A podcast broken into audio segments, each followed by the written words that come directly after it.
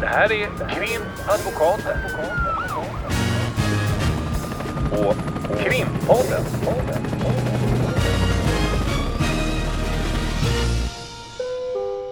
Parter och ombud kallas till sal 32.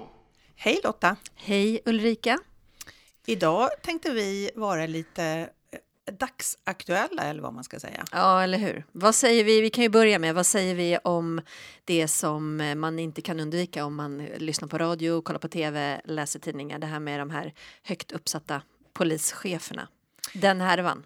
Den härvan, eh, det, vad vi kan säga i det är väl, eh, jag lyssnade på radion i, i går morse tror jag det var. Mm. Och då diskuterade man det här fallet och, och man berättade att eh, det hade då getts in polisanmälningar gällande att den kvinnliga av de här höga polischeferna då skulle ha blivit utsatt för brott ifrån den manliga av de här höga polischeferna. Visst var det P1 du lyssnade på? Yes. Så ändå vad man ska säga en seriös. Ja, det var ju kanal. precis. Det, det var ju inte Radio Bandit utan Nej. det var eh, Sveriges Radios Mm. program P1. Och eh, då så sa man också att man hade givetvis, eftersom det är public service, eh, försökt att bjuda in till programmet då folk som ja, Mm. rikspolischef och lite sådana där grejer. Men, eh, och det hade de inte fått napp på då. då. Mm. Och istället... Det kan man, väl, kan man inte någonstans förstå. Det de som är eh, involverade i det här. Det är ju ganska... ja, det är alltså klart att man inte ska vara ute och gaffla i media Inte just kanske. i det här läget liksom. Mm. Men då, då eh, vad, vad som slog mig, det var att man då istället hade bjudit in en, två kvällstidningsjournalister som man då satt och intervjuade. Istället, Enbart? Eh, ja, Ah, okej. det, det, då var det Oisin Cantwell från Aftonbladet Mm. och eh, en eh, kriminal, eh, kriminaljournalist från Expressen som jag inte uppfattade namnet på. Jaha, det är intressant att man också väljer den typen av journalist. Ja, och att man då istället för att höra med de som kanske sitter på de juridiska kunskaperna och kan uttala sig om eh, ja, bland annat det som kom upp i det samtalet, nämligen eh, där den ena av dessa journalister säger att det är väldigt eh, konstigt och det är någonting som är fishy. Nu, trycker, nu är det inte det här några direkta citat. Nej, det där är ett typiskt Ulrika-begrepp. Fishy. Fishy. Ja, att det var det inte ruttet? Vet jag att du Ja, sa till mig eh, när du berättade. Någonting som är ruttet. ruttet i det här. i, i att vad som var då eh, frågeställningen var ju så här nämligen. Det har gjorts polisanmälningar angående brott mot den kvinnliga polisen som den manliga polisen skulle ha, ha utfört och det hade då lagts ner innan man ens hade hört målsäganden, det vill säga den kvinnliga polisen. Mm. Och det skulle då vara någonting som är besynnerligt i sig. Mm. Och då reagerade jag, för jag tänkte de kan väl intervjua en professor i, i processrätt eller i straffrätt, de kan intervjua en åklagare, de kan intervjua en advokat, de kan intervjua någon som är jurist som skulle kunna säga hur det ser ut. Mm. Nämligen att det är inte alls någonting konstigt att om man får in en eller två eller flera polisanmälningar där det egentligen inte finns några brott inbakade i anklagelserna. Mm. Då är det inte alls någonting konstigt att man lägger ner. Det är snarare någonting man måste göra som åklagare. Mm. För om åklagaren inte i slutändan kan förvänta sig en fällande dom så ska han inte driva en förundersökning vidare. Mm. Så om jag till exempel, som jag sa till dig, om jag går till polisstationen eller ringer, jag hörde av en klient eh, Mm. igår i ett förhör att eh, klienten hade väntat, fick vänta två och en halv timme om man Mm. inte ringde 112 Mm. för att göra polisanmälan. Det är lång tid. Mm. Men om jag då knallar iväg till en polisstation och så anmäler jag dig, Lotta Wirén, för att du är dum i huvudet. Mm. Och då eh, så blir det eh, eh, en diskussion på radio med, med kriminalreportrar som tycker att det är väldigt konstigt att det inte ens hålls ett förhör med mig. För jag är ju målsägande här. Du har ju varit dum i huvudet mot mig. Mm. Och, och, och det är någonting konstigt och ruttet med den saken. Mm. Och, och det är ju helt felaktigt. För är det så att det kommer in en anmälan som inte omfattar brottslighet, då ska man ju inte bedriva en förundersökning. Nej. Man ska inte inleda en förundersökning, man kan lägga ner. Inleder man en förundersökning så ska man lägga ner. Man behöver inte överhuvudtaget höra en målsägande. Det är ju en bedömning som åklagaren får göra. Mm. Och det gör mig lite trött när jag lyssnar på, på vad som sades i det programmet. Och sen har jag ju då läst lite vidare här då om den här ruttenheten inom polisen som Oisin Oisin Cantwell då eh, beskriver. Och det, det, det må vara så att det finns saker som behöver utredas i det här ärendet. Det är alldeles uppenbart eftersom det har tillsatts en intern utredning och det har öppnats även en, en förundersökning. Det gäller ju den här eh, tjänstetillsättningen och det. Men jag tror att det är en risk just, och det har ju du och jag pratat om, att det är en risk att man om man eh, börjar tala om att det är ruttenheter inom hela rättsapparaten man vet inte vad det egentligen är som är så särskilt ruttet, eh, men det är ruttet. Jag tror han skriver att tills vidare har vi inget annat val än att acceptera att vi inte riktigt vet vad som är ruttet i den här historien. Men att någonting är ruttet råder det ingen tvekan om.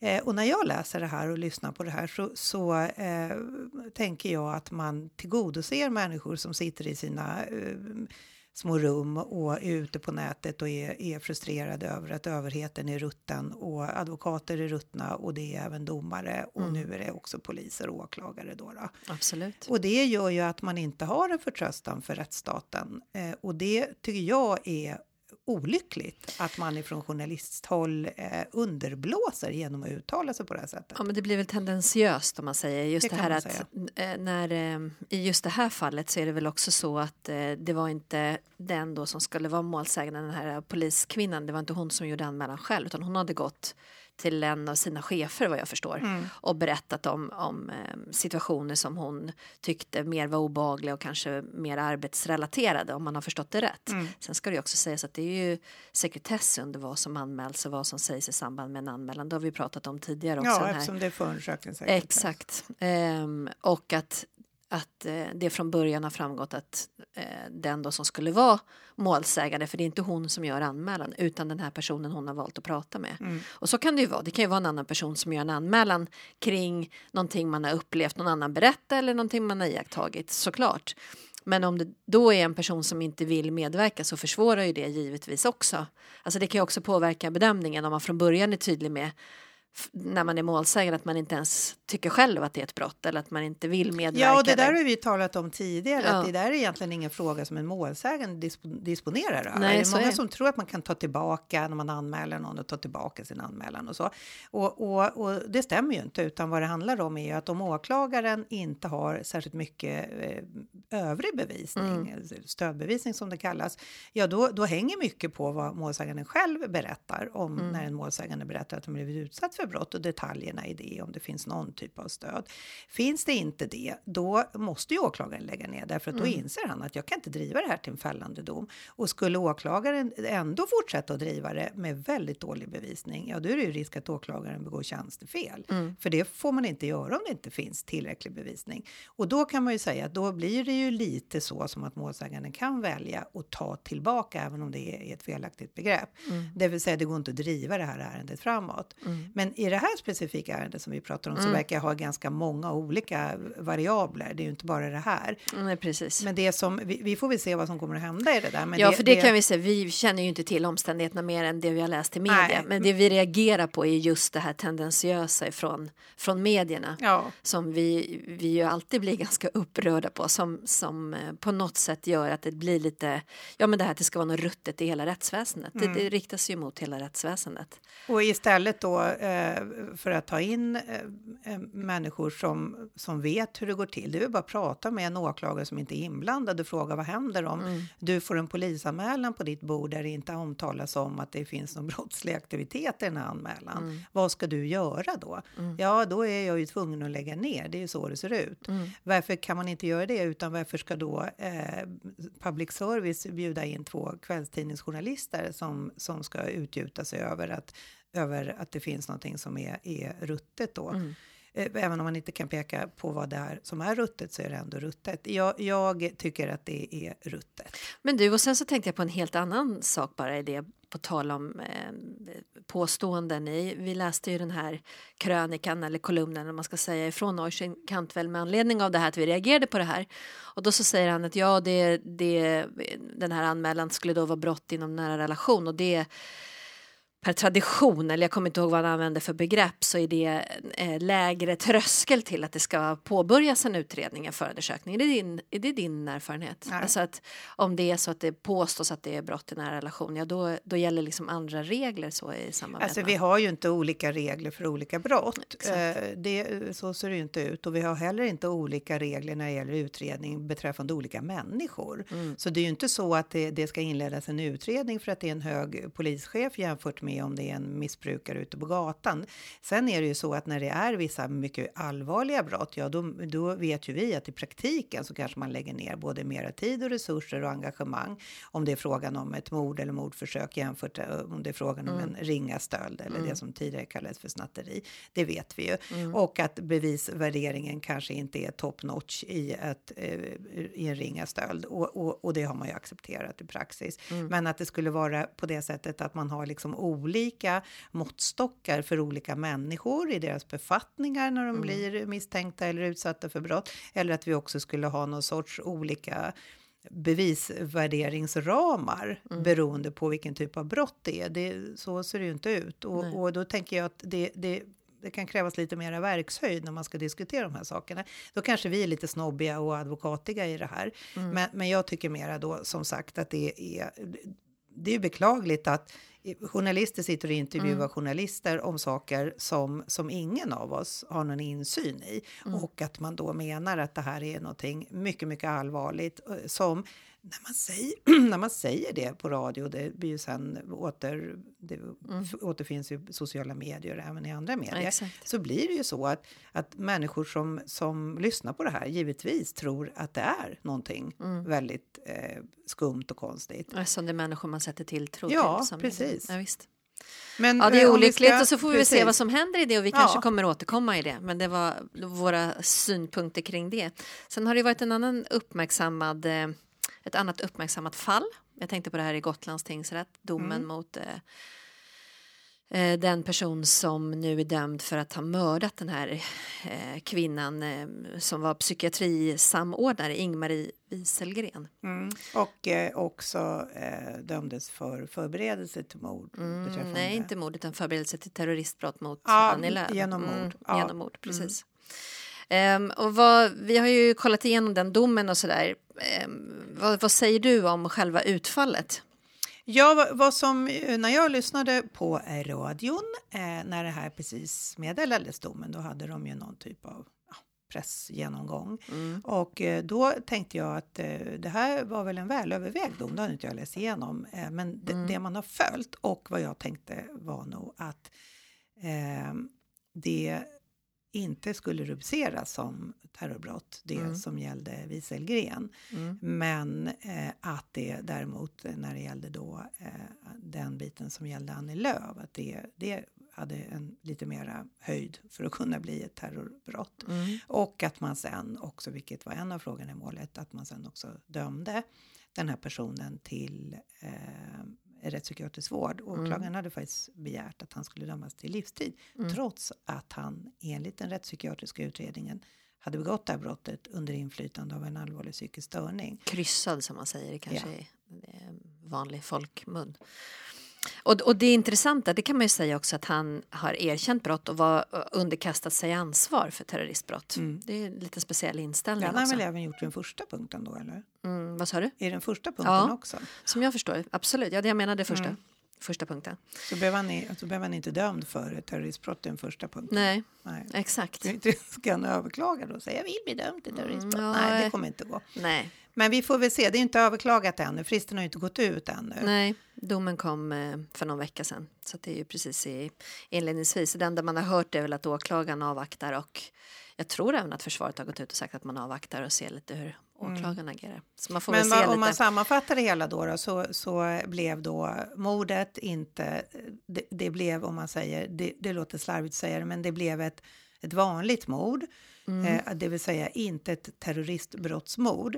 Och eh, förberedelserna till eh, terroristbrott genom mord, det, Mm. eh, man ansåg att hade det gått vidare och förberedelsen, den delen Mm. som gällde Annie Lööf, gått vidare och, och förverkligat så hade det varit ett terroristbrott. Mm. Eh, medans, därför att det hade eh, ett fokus mot staten och det var en hög politiker och så. Mm. Men man ansåg då inte att, att när det gällde vita grenen att det var på det sättet. Jag, tycker tänkte- man, jag får bara säga, jag tycker Mm. att man, man går igenom det eh, väldigt nogsamt ändå ifrån eh, Gotlands tingsrätt. i. Varför man, att, man inte, att man inte ser det som att det skulle vara riktat mot, mot riket, alltså rekvisiten för de objektiva rekvisiten för att det ska vara terroristbrott. Och då går man in bland annat då på hennes eh, position och, och vilken roll hon hade inom psykiatrin som samordnare och man har hört vad jag förstår väldigt många vittnen då som, som åklagaren har åberopat och som pratar om hur viktigt det var och vilken påverkan det fick för fortsatt samordning inom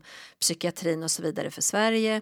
Man har också gått in på att det skedde under Almedalsveckan och, och där man säger också från tingsrätten att ja, det, det är ju en vecka naturligtvis som i och med att det är en politikervecka jag tror att det är något av vittnena som säger att det är eh, demokratins mecka eller någonting i, i Sverige. Men att man eh, ändå gör bedömningen att flertalet av de aktiviteter och, och eh, det som var planerat under Almedalen kunde ändå fortsätta. Att det inte hade den verkan. Och det som kommer, hur det kommer påverka framöver, alltså nästa vecka, alltså 2023.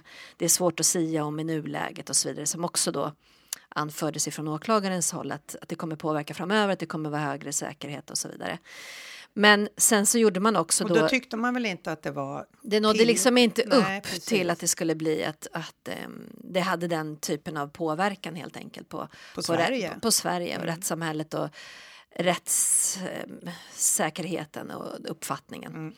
Men eh, vad gäller personerna så gick man också in på det ehm, och så säger man att, att ehm, man ändå finner att så som eh, det framställs i förarbetena och syftet liksom med, med den lagstiftningen att det, det är ganska begränsad krets som när, om en person blir angripen att det kan vara fråga om terroristbrott. Och att i det här fallet så det ska mer vara en person i beslutande position och som har till exempel ett, ett statsråd eller ja, alltså på en högre position.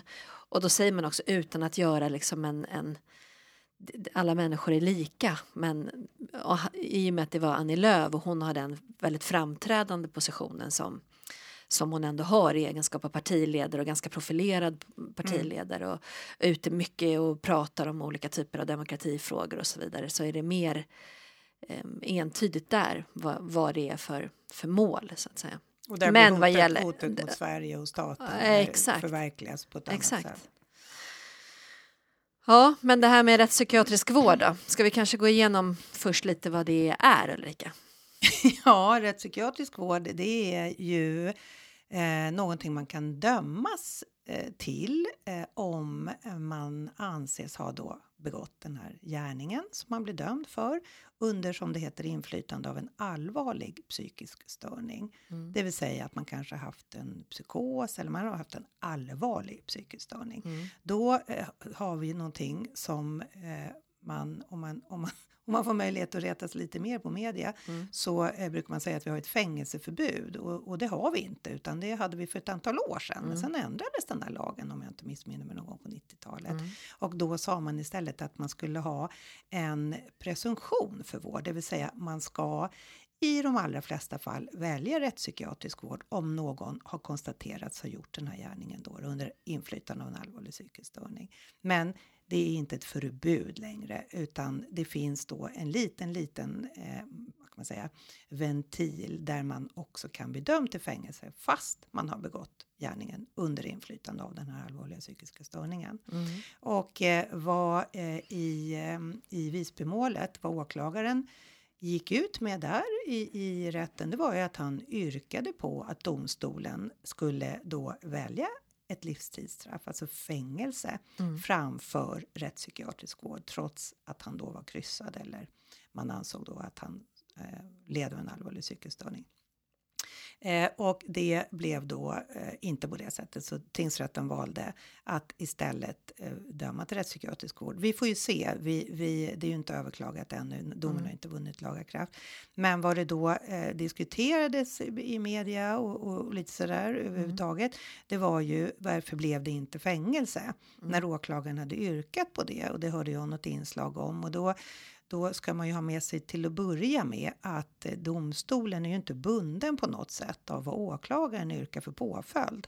Och inte heller då givetvis vad försvaret anser att det ska bli för påföljd. Utan domstolen är ju helt fri att Mm. döma till en påföljd som domstolen anser är den mest lämpliga och, och den mest eh, ja, ingripande i förhållande till allvarligheten eller inte ingripande eller vård Mm. whatsoever. Mm. Och då är det, det är domstolen som sitter på det beslutet.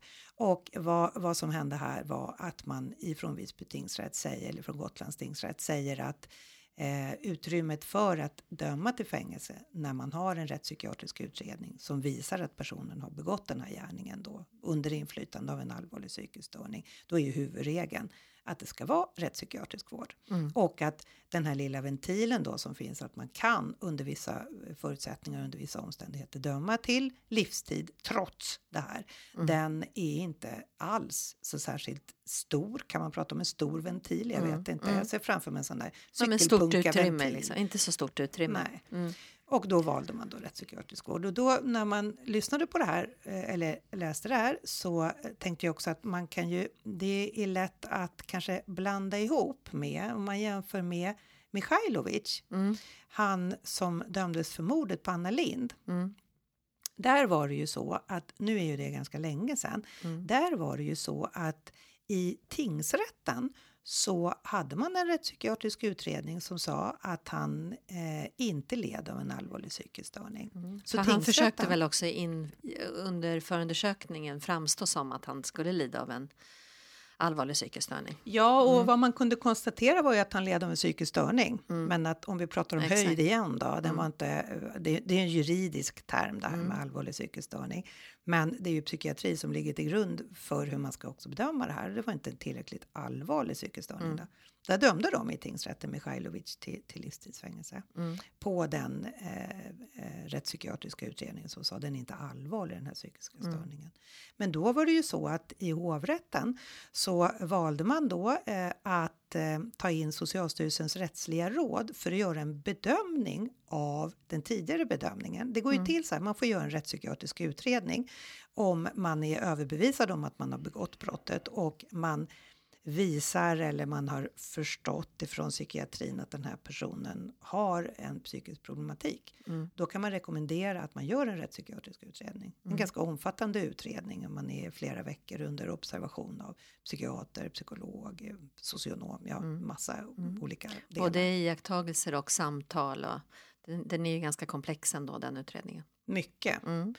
Vi brukar säga det att det är ganska svårt att snacka sig in på Mm. eh, och bli kryssad. Då, då. Det, det Mm. krävs ganska mycket för det. Mm. Eh, men då är det i alla fall så att, att eh, om en domstol eh, inte tycker att den rättspsykiatriska utredningen är tillräckligt stabil, det kanske finns frågetecken i den eller man, man tycker inte att den är, är hundra eller att åklagaren eller försvararen tycker det, då kan man be om, man kan säga som en överprövning av, den här, av de här utlåtandena från psykiatrin. Då. Mm. Så säger psykiatrin, ja här föreligger ingen allvarlig psykisk störning så eh, kan man begära att Socialstyrelsens rättsliga råd går in och gör en, en prövning av om det verkligen är en allvarlig psykisk störning eller om det inte är det. Mm. Och i Mikhailovic så eh, gjorde man så i hovrätten att man i, kallade in då, om man får uttrycka sig slarvigt, Socialstyrelsens rättsliga råd som skulle eh, lämna ett utlåtande över den tidigare eh, rättspsykiatriska utredningen, det vill säga hade han en allvarlig psykisk störning eller hade han inte det? Mm. Och där var det så att där var man inte helt överens och då blev det så att eh, man eh, ansåg ändå i hovrätten att det var så pass mycket som talade för, man sa att det var ett massivt stöd för att Mikhailovic trots allt led av detta som var då en allvarlig psykisk störning. Mm. Och då dömde hovrätten honom till rättspsykiatrisk vård. Mm. Men sen i det målet så blev det faktiskt så att det blev en prövning i Högsta domstolen gällande påföljden. Och i Högsta domstolen så bedömde man det på samma sätt som i tingsrätten och sa nej, det är inte en allvarlig psykisk störning utan vi dömer honom till livstid. Mm. Och här är ju lite skillnad mot det här målet i Gotland. För i Gotland handlade det om, ska man använda fängelse eller rättspsykiatrisk vård, det vill säga ska man gå emot den där presumtionen eller inte? Mm. Och där landade ju Gotlands tingsrätt i att man inte skulle göra något annat än att gå med presumtionen, det vill Mm. säga döma till vård.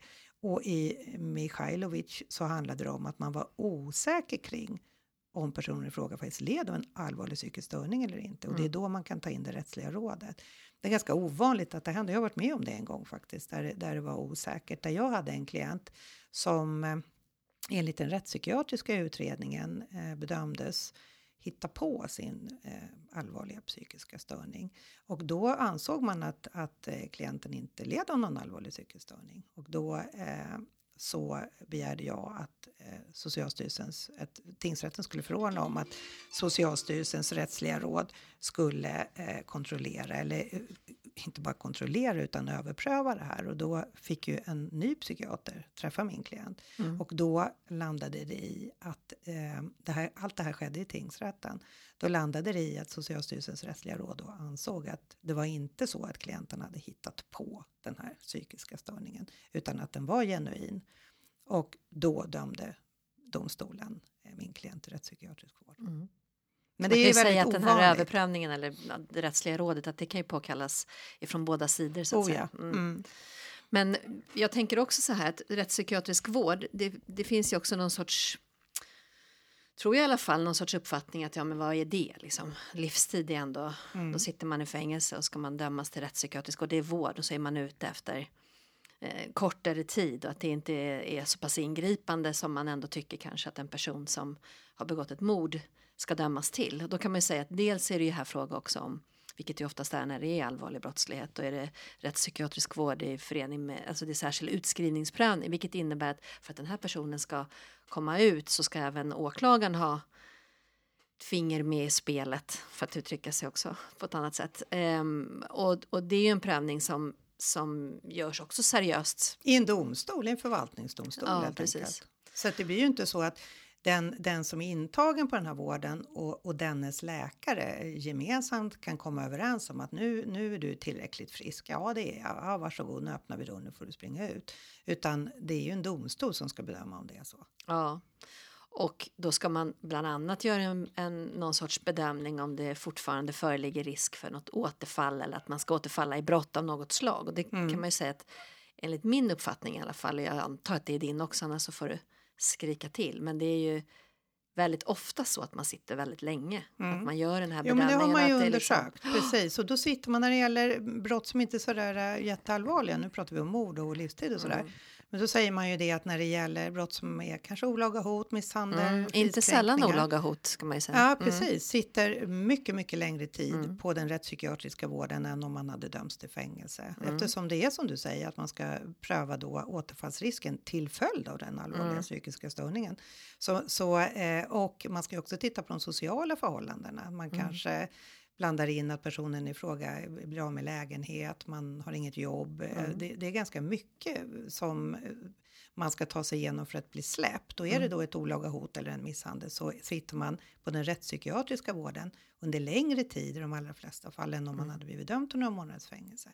Medan när man tittar då på livstid kontra rättspsykiatrisk vård för, för de brotten, livstidsbrotten, så sitter man ungefär lika lång tid. Mm. Det är vad jag i alla fall har fått reda på. Mm. Men det är också som du sa, man, man har ju en tro om att man först ska man lura sig till den rätts- rättspsykiatriska vården Mm. och sen så ska man bli frisk när man väl har fått den domen och sen ska man snacka med sin överläkare så blir man utsläppt. Mm. Det är inte så det ser ut. Plus att jag tror också att väldigt många människor tror att det är, är, är väldigt eh, så här, nice och trevligt att sitta på en rättspsykiatrisk klinik. Mm. Det, det, vi har ju varit på många sådana. Eftersom vi också företräder personer som har blivit dömda och sen ska ju förvaltningsrätten göra en prövning av Mm. det här och då blir vi inblandade som offentliga biträden. Och vi har ju då varit på många sådana kliniker. Man är ju oerhört instängd och inlåst och det tar lång tid innan man ens får ha frigång och gå, kanske köpa cigaretter om man har möjlighet till det. Och, Mm. och, och det är oerhört reglerat och man är inlåst. Mm.